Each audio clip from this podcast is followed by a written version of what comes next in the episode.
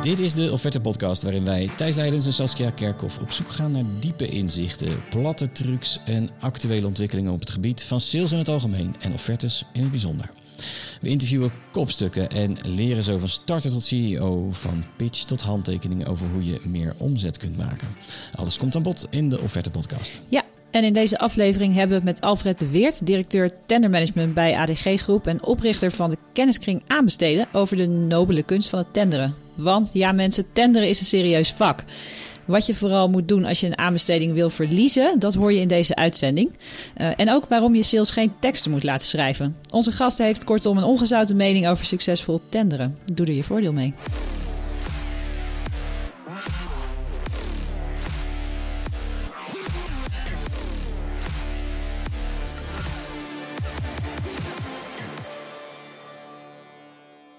Wat hebben een varkensfokker, een veteraan, een constructieschilder en een directeur tendermanagement met elkaar gemeen? Het is allemaal verenigd in één persoon die hier tegenover mij zit in de studio. Naast me eigenlijk, hè? Ja. Zoals is er ook, maar dan op afstand vanwege vakantie. Alfred de Weert bewandelt geen standaard loopbaanpaden en trekt zijn eigen plan. Aanbesteden grepen, maar hij verloor zijn eerste inschrijving glansrijk. Hij dook erin en is sindsdien verfrissend en toonaangevend in de wereld van aanbestedingen. We gaan het hebben met deze gast van formaat hoe die als een dolle werkt om markt en overheid bij elkaar te brengen. Hey Alfred. Goeiedag. Je voert een emancipatiestrijd voor de tenderaar. Waarom? Um, ik vind echt dat uh, tenderen op dit moment nog niet de plaats heeft uh, en de erkenning heeft die het eigenlijk verdient in het commercieel proces. Dus de, de tenderaar ja, wordt er een beetje bijgezet in zo'n commercieel. Oh ja, schrijf jij het ook nog eventjes op, hè, wat wij hier allemaal als briljante mensen bij elkaar verzinnen. En dat is absoluut niet zoals het in werkelijkheid gaat. Ah, en welke skills dan eigenlijk die dan wordt onderbelicht? Het kunnen schrijven of het kunnen verwoorden? Absoluut. Ja, ja, ja gewoon het, het, echt precies verwoorden van die klantvraag. Wat wil die klant en hoe schrijf ik dat dan op? Uh, uh, we, we, jullie hebben het in de vorige aflevering gehad over uh, de, de, de, de, woorden die daarbij horen, de, de, de, de neuromarketing die daarbij hoort en dergelijke. Nou, daar, ehm, het, het tenderen is een vak, echt een vak. Hm. En ehm, dat wordt nog niet genoeg gewaardeerd. Nou ben ik niet per se uh, altijd bezig met tenders. Hè. Ik ben uh, vaak mm -hmm. met offertes en dergelijke aan de slag. Ja. Kun je misschien voor de, degene die daar meer, de luisteraars die daar ook last van hebben, mm -hmm. uh, even, even een beetje uitleggen wat nou de grote verschillen daartussen zijn. Ja. Waarbij we volgens mij ook moeten hebben over het verschil tussen aanbestedingen en tenders. Ja. Um, nou, aanbestedingen zijn bijzondere tenders. Uh, in de zin dat uh, aanbestedingen zijn uh, eigenlijk inkoopprocessen die gevoerd worden door organisaties die voor meer dan 50% door de overheid gefinancierd worden. Dat is ongeveer, geloof ik, de officiële benaming. Dus, dus aanbesteding is een subset van tenders? Ja. Oké, okay. dus aanbesteding is meer overheidsgericht en tenders kan dan eigenlijk van iedereen zijn? Tender is van iedereen. Ja, ja, ja. Maar, een aanbesteding is ook een tender, alleen van de overheid. Ja, maar alleen niet andersom. Oké. Okay. Nee. Hey, maar de belangrijkste verschillen zijn denk ik dat, zoals ik het, maar mm -hmm verbeter mij als ik het verkeerd heb, dat ja. bij de tender en de aanbesteding vooral eigenlijk een soort van, stel ik me zo'n grote invuloefening bij voor, een heel groot formulier waarbij allemaal dingen moeten worden afgetikt en afgevinkt en gescoord. Uh, typeer ik het goed? Aanbestedingen zijn eigenlijk tenders die natuurlijk ingebed zijn in een, in een wat ruimer uh, kader van wetten en regelgeving. Um, en dat heeft een goede reden. Wij willen namelijk dat ons belastinggeld eerlijk, transparant uh, besteed wordt. Dus ik vind dat uh, aanbesteden heeft uh, misschien niet de beste naam, maar het is wel een hele belangrijke basis onder onze democratische processen eigenlijk. Want ja, je belastinggeld wil je echt, ja, we betalen het, dan wil je ook dat het goed besteed wordt. En dat, ja, dat, dat is een punt dat nog wel eens onderbelicht wordt. Men wijst vooral op de, nou, de administratieve, het administratieve gedoe eromheen. Wat ik wel vind is dat er, je ook bij grote bedrijven steeds meer dit soort aanbestedingsachtige inkoopprocessen ziet. Uh, dus ik maak liever een verschil tussen vormvrij en vormvast. En je ziet dat vormvast terrein begint te winnen. En dat is ook het terrein van de tenderaar eigenlijk. En dat heeft als doel om het vergelijkbaarder te maken, al die verschillende ja. aanbiedingen die je krijgt. Ja. Hey, en jij noemt uh, al van nou misschien, hè, Thijs heeft misschien een beetje een negatief beeld van uh, tenders, aanbestedingen. En mm -hmm. dat is volgens mij wel iets wat in meerdere organisaties ja. speelt. Ik hoor in ieder geval ook vaak uh, met name MKB-bedrijven die zeggen van nou, wij doen, wij doen er gewoon niet aan. We doen het gewoon niet, want het is verschrikkelijk. Waar komt die haat-liefde-verhouding of die haatverhouding? Ik weet niet of er ook liefde in spel is. Nou, bij mij wel, met aanbestedingen en tenders vandaan. ik ben gek op aanbestedingen. En, Kijk, bij jou is er ja, liefde. Ja, ja, ja. En, Ja. Het is inderdaad een. eh, eh, als je zegt dat je van aanbestedingen houdt op een feestje, dan zeg ik altijd, ja, dan sta je al heel snel met een glas lauwe melk in de bijkeuken. Waar komt die haat vandaan? Ja, het is. ehm, eh, ik heb ooit iemand horen zeggen: eh, aanbesteden is verkoop voor intellectuelen. Nou, dat klinkt wat aanmatigend, maar je moet echt zoveel kunnen doen. Tegelijkertijd, je moet inderdaad, eh, je moet eh, taalkundig, eh, juridisch, politiek, je moet je portfolio kennen, design, je moet procesmanagement beheersen, eh, eh, een beetje wiskunde of rekenen in ieder geval moet je kunnen. Ehm, wat je ziet is dat dat zelden of nooit door één persoon gedaan kan worden. Niet iedereen heeft al die competenties, dus je werkt altijd in een team. En dan is het inderdaad in het MKB, waar je maar met een paar man bent misschien, is het best lastig om zo'n team te vormen. Eh, dus ik snap dat wel. Je ziet ook dat eh, veel aanbestedingen, Ja. eh, de grote aanbestedingen, Ja. ja. dan, dat zijn ook grote bedragen, zijn complexe problemen die de overheid neerlegt. Inkoopstukken. Niet ieder MKB-bedrijf is geschikt om die eh, eh, te in te vullen. Daar kun je hulp bij inschakelen. Mhm. Ehm, hoe zou je, stel je met een MKB-bedrijf, je gaat voor het eerst een aanbesteding doen. Ja. Hoe, hoe pak je dat nou het beste aan? ja, bel een adviseur. Want eh, eh, op het moment dat je inderdaad eh, voor de eerste keer zo'n die aanbestedingsstukken ziet, dan zakt de boetje natuurlijk in de schoenen. Want het is vaak een pak papier, moeilijke woorden. Het is goed, goed leren tenderen en aanbesteden is net als viool spelen. Je moet het veel doen. En denken dat je direct de eerste keer uit die viool een, een prachtig stuk van Vivaldi krijgt. Ja, dat, zo werkt het gewoon niet. Met vioolspelen staat er 10.000 uur voor, geloof ik. Hè? Ja, dat, dat zeg ik ook al tegen mijn tenderaars. Ja, 10.000 uur tenderen. Hoppakee. Nou, een Ja. Paar man jaar verder. En we kunnen het hoor. Ja, dat, is, dat, is wel, eh, dat is wel een hoop. Eh 10.000 is veel. Nou, maar als je kijkt naar de complexiteit van de gemiddelde tender, dan heb je die 10.000 zo gehad hoor. Hey, en Alfred, eh, jij hebt inmiddels wel, nou misschien geen 10.000 uur, misschien ook wel, maar jij hebt een hoop vlieguren gemaakt. Heb, heb jij een soort geheim recept om de, winken, de winkans op een inschrijving van zo'n tender te vergroten? Eh, niet een geheim recept. Je moet eh, eh, ervoor zorgen dat ehm, je een aantal zaken gewoon goed op orde hebt. En, en vooral ook geduld hebben een beetje. Ik, ik werk altijd volgens de, de volgende vijf lijnen. Eh, je moet je mensen eh, goed eh, geoefend, getraind hebben. Die moeten in, staat zijn om dat te doen. Je moet de middelen hebben om, om zo'n zo'n offerte te, in te vullen. Je moet de processen kunnen draaien.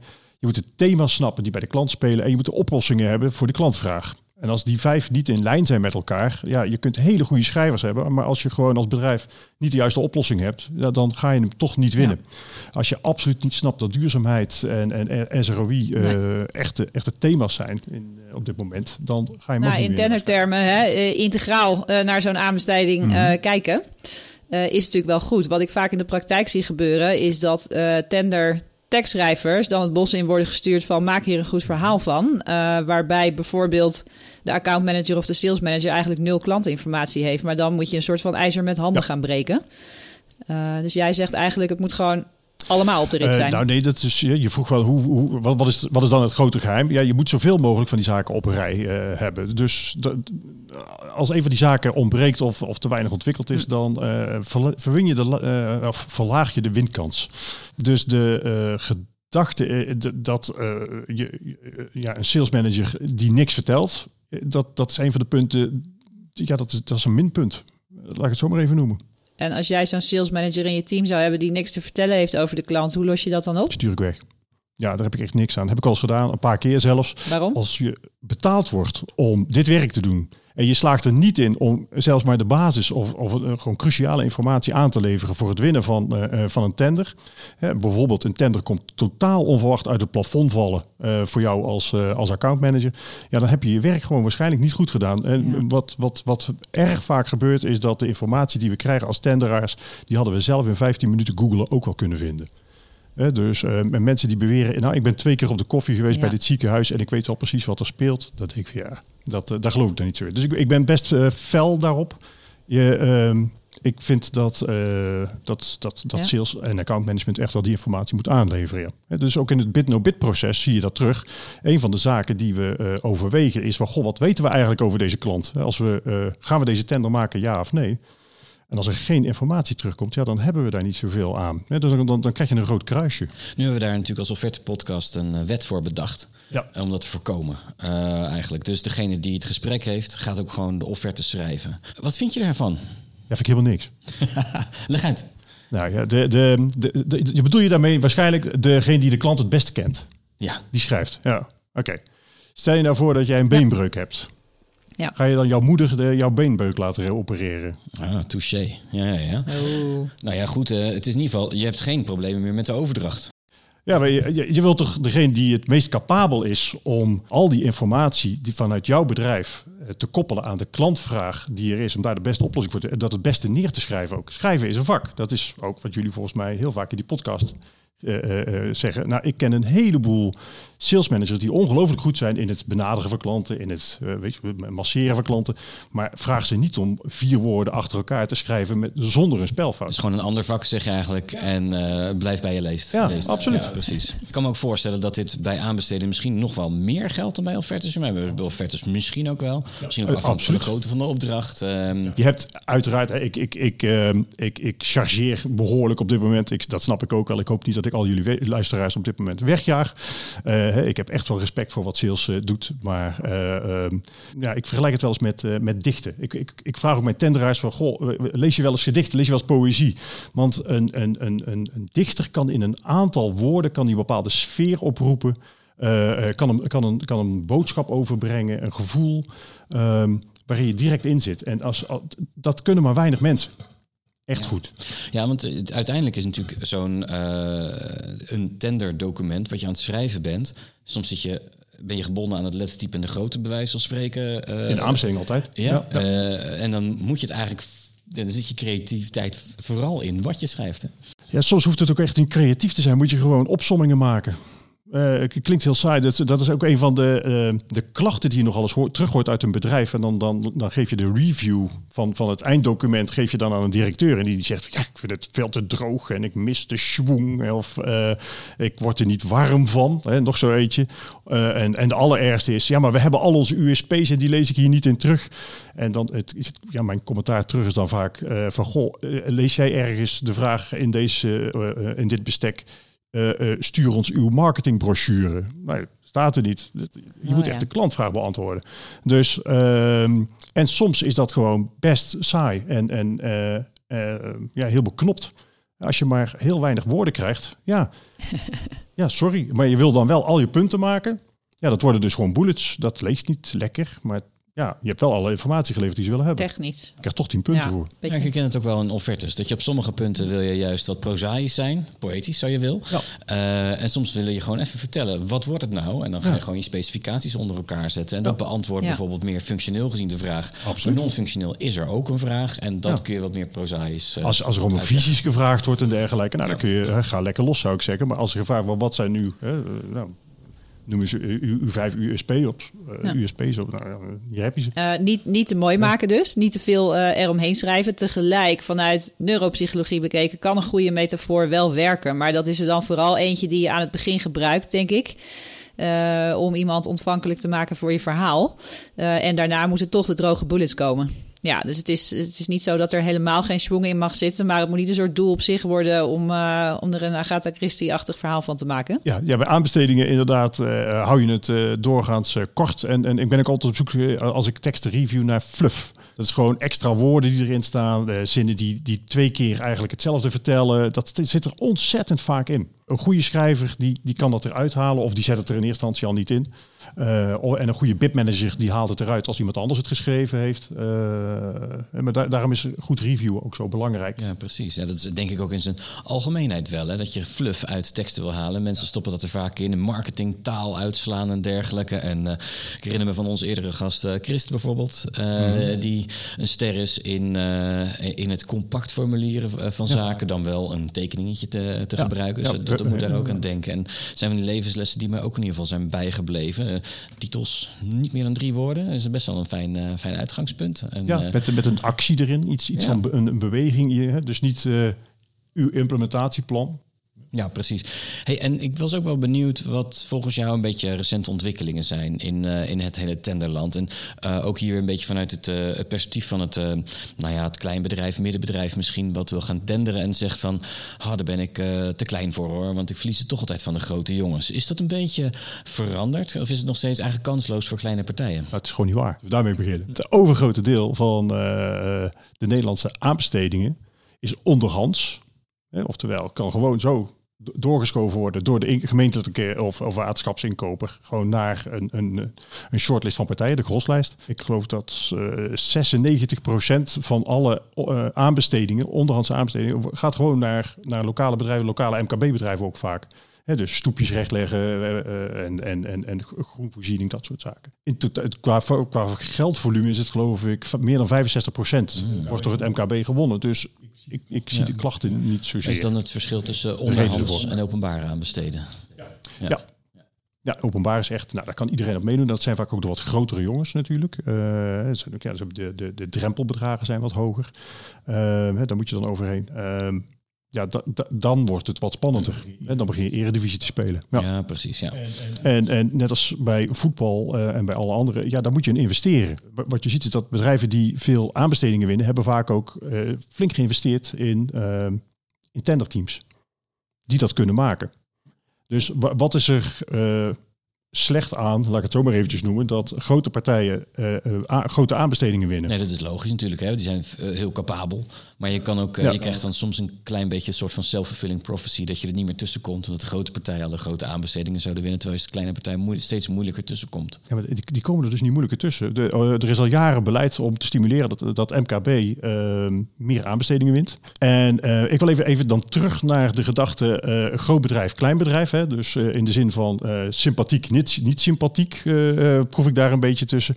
Een groot bedrijf is nooit s'morgens vroeg begonnen met de gedachte... oh, vandaag begin ik met een bedrijf van 10.000 man. Dat is gewoon de MKB geweest. Iemand die op een zolder gewoon dacht van hey, ik heb een goed idee, die is begonnen. Die heeft naar zijn klanten geluisterd, die heeft de juiste investeringen gemaakt, die heeft geïnnoveerd. En die is op die manier groter geworden en steeds groter geworden. Door gewoon de juiste dingen te doen. Een MKB of een, een groot bedrijf is niks anders dan een succesvolle MKB'er. En, en moet je die dan straffen? Nee, dus je, eigenlijk als je organisatie groeit, professionaliseert, dan is een onderdeel daarvan dat je ook steeds beter wordt eigenlijk in het eh, tenderen. En dat dat ook dus een, een, een, groot onderdeel wordt van je bedrijf. Het, het is een logisch gevolg van het feit dat je groter wordt dat je meer gespecialiseerde uh, uh, competenties verzamelt in je bedrijf in bepaalde afdelingen. Nou, je hebt ooit eerst één, een, één vertegenwoordiger of één salespersoon, dan heb je de tweede, dan heb je de drie. En op een gegeven moment zeg je, ja, we moeten nou toch eens een offerte schrijven. Oh, daar pakken we iemand voor die, die dat ook echt kan. Nou, zo begint een tenderafdeling. Ik ben wel benieuwd, Alfred, als we eens naar de andere kant gaan kijken. Hè? We hebben het nu uh, vooral over wat kun je doen om je inschrijving te verbeteren, die winkans te maximaliseren. Aan de andere kant zit natuurlijk de aanbestedende diensten, de organisaties die zo'n tender uitschrijven. Mm -hmm. Ik hoor ook vaak geklaagd, zeg maar, over nou, maar die aanbestedende ja. diensten, die overheid, die leidraad niet doorheen te komen. Super vaag verhaal. Ja, um, heb jij een advies aan hen? Of misschien bespreek je dit ook wel met hen in die kenniskring. Uh, wat zij kunnen veranderen om uiteindelijk ook kwalitatief betere inschrijvingen te krijgen? Leuk dat je daarover begint. Want de kenniskring aanbesteden is inderdaad uh, onder andere opgericht om die discours, die dialoog met, uh, met inkoper aan te gaan. En dan vooral om aan te geven van goh, als je dit doet in jouw bestek of in jouw, in jouw aanbesteding, dan heeft dat dit effect. En um, ik spreek de, ja, de laatste jaren heel veel inkopers. Uh, juist op, op dit punt. Uh, omdat ze daar echt ook interesse in hebben. Ze zien het aantal inschrijvingen namelijk schrikbarend dalen in een aantal branches. Um, en hoe komt dat dan? Dus nou, er zijn, best veel redenen voor. Maar wat ik, wat ik doe, de, de, zeg maar, soort ja, workshop is die. Ik geef een soort lezing dan voor inkoopafdelingen. En ehm, mijn insteek is, de inkoper is een verkoper. Want jij moet eigenlijk jouw organisatie verkopen aan uh, goede leveranciers. En ze maken nogal eens wat, wat, wat fouten zo links of rechts. Dat je zegt van, goh, maar als je dit doet, krijg je dat effect. Is dat echt de bedoeling? Ja, nee, eigenlijk niet. Ik wil eigenlijk, ik wil eigenlijk ook wel heel vriendelijk overkomen. Of ik wil veel inschrijvingen. Ik ja, dan zou ik dit niet doen. En dat ook zeker niet. dus er is echt wel een lerend effect. En wij, wij, delen die kennis ook graag wat dat betreft. Dus niet alleen ik, maar ook andere leden van de kenniskring zijn druk heel actief met het uh, spreken van inkopers juist op dit gebied. Er is een groot tekort aan mensen, aan middelen, aan grondstoffen, aan tijd, aan, aan wat dan ook. Uh, dus uh, je hebt veel bedrijven die kunnen kiezen waar ga ik op inschrijven. Hè? Dus de, ja, ik denk dat jullie, als ik een suggestie mag doen, volgend jaar of de volgend seizoen eens een keer over de bit-no-bit-analyse een specialist aan het woord laten. Die bit-no-bit-analyse wordt tegenwoordig steeds strenger. We zeggen steeds vaker nee. Wat, kun je iets meer over vertellen, de bit-no-bit-analyse? Nou, in, in een bit-no-bit-analyse zitten eigenlijk uh, drie belangrijke vragen. Hè. Kunnen we het, willen we het en kunnen we het winnen? En daar zitten een heleboel subvragen onder. Uh, en die is eigenlijk bedoeld om, om, om te, ja, een selectie te maken van ja, al die, die, die inkoopaanvragen die binnenkomen, al die bestekken. Welke gaan we doen? Welke kunnen we winnen? Welke zijn voor ons haalbaar? Vinden we het, vinden het ook nog een beetje leuk? Uh, en, en, en, ja, dat, dat is een steeds um, zich verder ontwikkelend vakgebied bijna, zou ik bijna willen zeggen. Want het, waar het in het verleden eigenlijk bij bijna alle bedrijven was van nou, als het beweegt, schiet je er maar op. Is het tegenwoordig heel gebruikelijk om, om meer dan de helft tot soms zelfs 75% van alles wat binnenkomt gewoon direct naar de wit-no-bit-analyse weg te schuiven. En zeggen, die gaan we niet doen. We gaan ons focussen op wat we wel kunnen waar, en waar we winkansen hebben. Dat klinkt logisch en iets wat je eigenlijk altijd al zou doen, omdat het natuurlijk best wel een, een investering is. Hè, om een, uh, ja, maar geloof me, in het verleden directies, uh, hey, er is een aanvraag binnen, Hup, maak die vechten. Ja, maar we gaan nooit winnen. Dat, dat zullen we dan wel zien. Want, en dan komt er altijd een voorbeeld van, uh, en toen hebben we wel gewonnen. En dan is mijn gebruikelijke antwoord is, ja, weet je, we kunnen ook staatsloten kopen. Dan winnen we ook wat, waarschijnlijk. dat is dezelfde investering koop voor de geld staatsloten. En, uh... Ben je beter uit? Ja, die, dat soort casuïstiek is altijd moeilijk uh, uit dat, ze dat buikgevoel eruit te halen. Ik, ik hou niet zo van dat buikgevoel. Dus als ik jou goed begrijp, uh, Alfred, zeg jij eigenlijk van, nou ja, als ze die bit-no-bit-analyses goed gaan doen, dan krijgen dus aanbestedende diensten eigenlijk minder inschrijvingen. Hè? Want we worden kritischer en we kunnen kiezen. Maar daar moeten ze dan misschien ook blij mee zijn. Want als, als we inschrijven, dan is de kwaliteit beter. Begrijp ik dat goed? Ja, zo kun je het ook zien. Dat je, uh, dan heb je waarschijnlijk aanbiedingen van bedrijven die echt zeggen: hé, hey, maar dit kan ik. Dit kan ik ook winnen. Dit, dit snap ik. Uh, dus ja, dat, daar, daar heb je punt. Ja. Dus strenge selectie aan de voordeur. Mm -hmm. um, en als je dan eenmaal aan de slag gaat, haal er een adviseur bij als je er geen ervaring mee hebt. Ja, ja dat zou ik zeker. Uh, pak het wetenschappelijk aan. Geen, uh, probeer je onderbuik een beetje uit te schakelen in ieder geval. Nou, doe het op basis van data. Hè? Dus ja. inderdaad die, die, data moet je wel opbouwen. Dus ik zeg altijd, eh, zorg dat je in ieder geval een goed CRM hebt bijvoorbeeld. Waarin je die data op kunt slaan. Uh, op het gebied van, van bijvoorbeeld. Over de waarde van gunstcriteria. Um, hè, als je dat op een gegeven moment goed uh, verzamelt en kunt analyseren. Dan, dan zie je ook veel beter waar je kunt winnen. En waar je misschien beter weg kunt blijven. Ja, en je kunt ook zien waar je zwakheden zitten zelf. Hè? Dus uh, ik heb dat bij, bij, bij Douwe Egberts hebben dat ooit uh, ja, verder doorontwikkeld. Hè? Op basis van wat mijn voorgangers uh, al hadden opgebouwd overigens. Dat heb ik niet zelf allemaal verzonnen. Maar daar zag je dat je bepaalde gunstcriteria waar Douwe Egberts heel goed op scoorde. Die zag je in waarde voortdurend verminderen in de loop der jaren. Dus ja, waar je dan vroeger heel veel tijd en geld op inzette. Want daar won je alle aanbestedingen mee dat werd minder belangrijk en juist duurzaamheid werd steeds belangrijker. En daar zag je dat Douwe ergens wat op achterliep op dat moment. Dus uh, dan kun je uh, op basis van je tenderdata kun je uh, eigenlijk business cases bouwen voor investeringsbeslissingen voor de directie. En die zijn hartstikke onderbouwd, want je kunt met de omvang van de tenders die je wint of verliest, kun je ook nog aangeven het, het, het volume van omzet dat je verliest en de marge die je aan het verliezen bent. Dus het is ja, superdata. Tenderdata. Ja. ja, wat dat betreft, omdat die aanbestedingen zo gestructureerd ja. uh, zijn, uh, leer je er ook op die manier, op een gestructureerde manier van. Ja, ja. Cool. Had ik al gezegd hoe leuk tenderen en aanbesteden is? Ja, ik vind het super ja, ik ben, ik ben er gek op, laat ik het zo zeggen. Het is uh, wat mij betreft ook nog een klein bruggetje. Want ik hoor je nu zeggen, nou, uh, data gedreven bit-no-bit beslissingen. Moeten we nog even een klein beetje techpraat uh, doen, Thijs? Over tech in aanbestedingen? Altijd tech, jee. Oké, okay, kom erop. Ja, de makkelijkste is natuurlijk, de makkelijkste is natuurlijk iets roepen over ChatGPT. Maar daar ben jij niet zo van, geloof ik, hè? Nou, nee, ik, ik, we kijken er absoluut naar. Hè. Dus alleen zien we nu dat het ja, voor het helpt al wel. Hè? Dus je kunt bepaalde vragen stop je erin en, en bijvoorbeeld eh, schrijf een goed implementatieplan. Ja, je krijgt echt wel hele leuke dingetjes terug. Uh, het is alleen wel basistekst. Het is vooral structuur met, met woorden eromheen waarop je zelf kunt voortborduren eigenlijk. Hè. Dan ga je je, klantelementen moet je er wel goed in verweven daarna nog. Dus uh, uh, voor dat soort vragen ja, kun, je, kun je al best aardige dingen doen. Maar voor de rest ja, is het allemaal nogal is, het, is het nog niet goed genoeg om in een offerte te zetten, vind ik. Het is een leuk hulpmiddel, maar het is nog niet goed genoeg. Dat moet zich nog doorontwikkelen. En, en ja, je ziet ook, ook wel dat veel bedrijven daarmee worstelen, omdat je commerciële teksten eigenlijk, ja, dat, dat, daar zitten ook wel wat bedrijfsgeheimen in um, en vertrouwelijkheden. En, en die wil men liever niet op ChatGPT. Ja, dat is de algemene tendens, denk ik. Hè. Het is vooral een assistent op dit moment en, uh, en in ieder geval de makkelijk te gebruiken tools Uh, die zijn, uh, ja, daar moet je dan vertrouwelijke informatie uh, op plekken zetten waar je dat niet wil hebben. Maar goed, het, ontwikkelt zich dusdanig snel dat we in seizoen 3 daar misschien wel een heel ander perspectief alweer op hebben. Want we wil de zomer alweer gehad. Je weet niet wat er in een paar weken kan gebeuren soms. Um, maar dat is vast ook het laatste woord niet over gezegd, gok ik zo. Dat komt zo af en toe terug in, in, de offerte podcast. Oké. Hey, we hebben dus eigenlijk een beetje al meanderend het hele traject een beetje besproken. Mm -hmm. Zijn er nog hele belangrijke dingen die wij onbesproken hebben gelaten die je wel kwijt wil? Nou, de, een, een trend die, die ik duidelijk zie is dat we steeds meer van, van vormvrij naar vormvast ook gaan in, in, in, in het algemeen tenderland. Dat inkopers veranderen. Ze worden jonger, hoger opgeleid, vaak ook vrouw.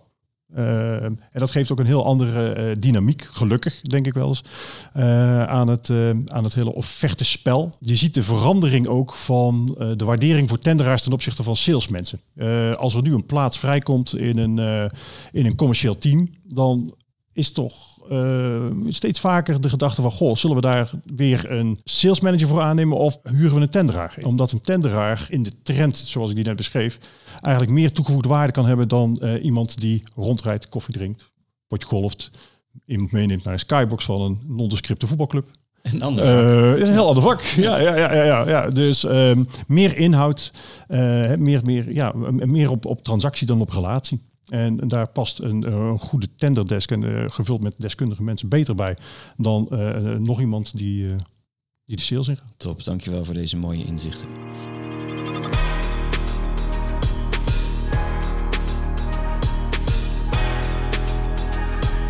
Laten wij overgaan naar de WVTTK.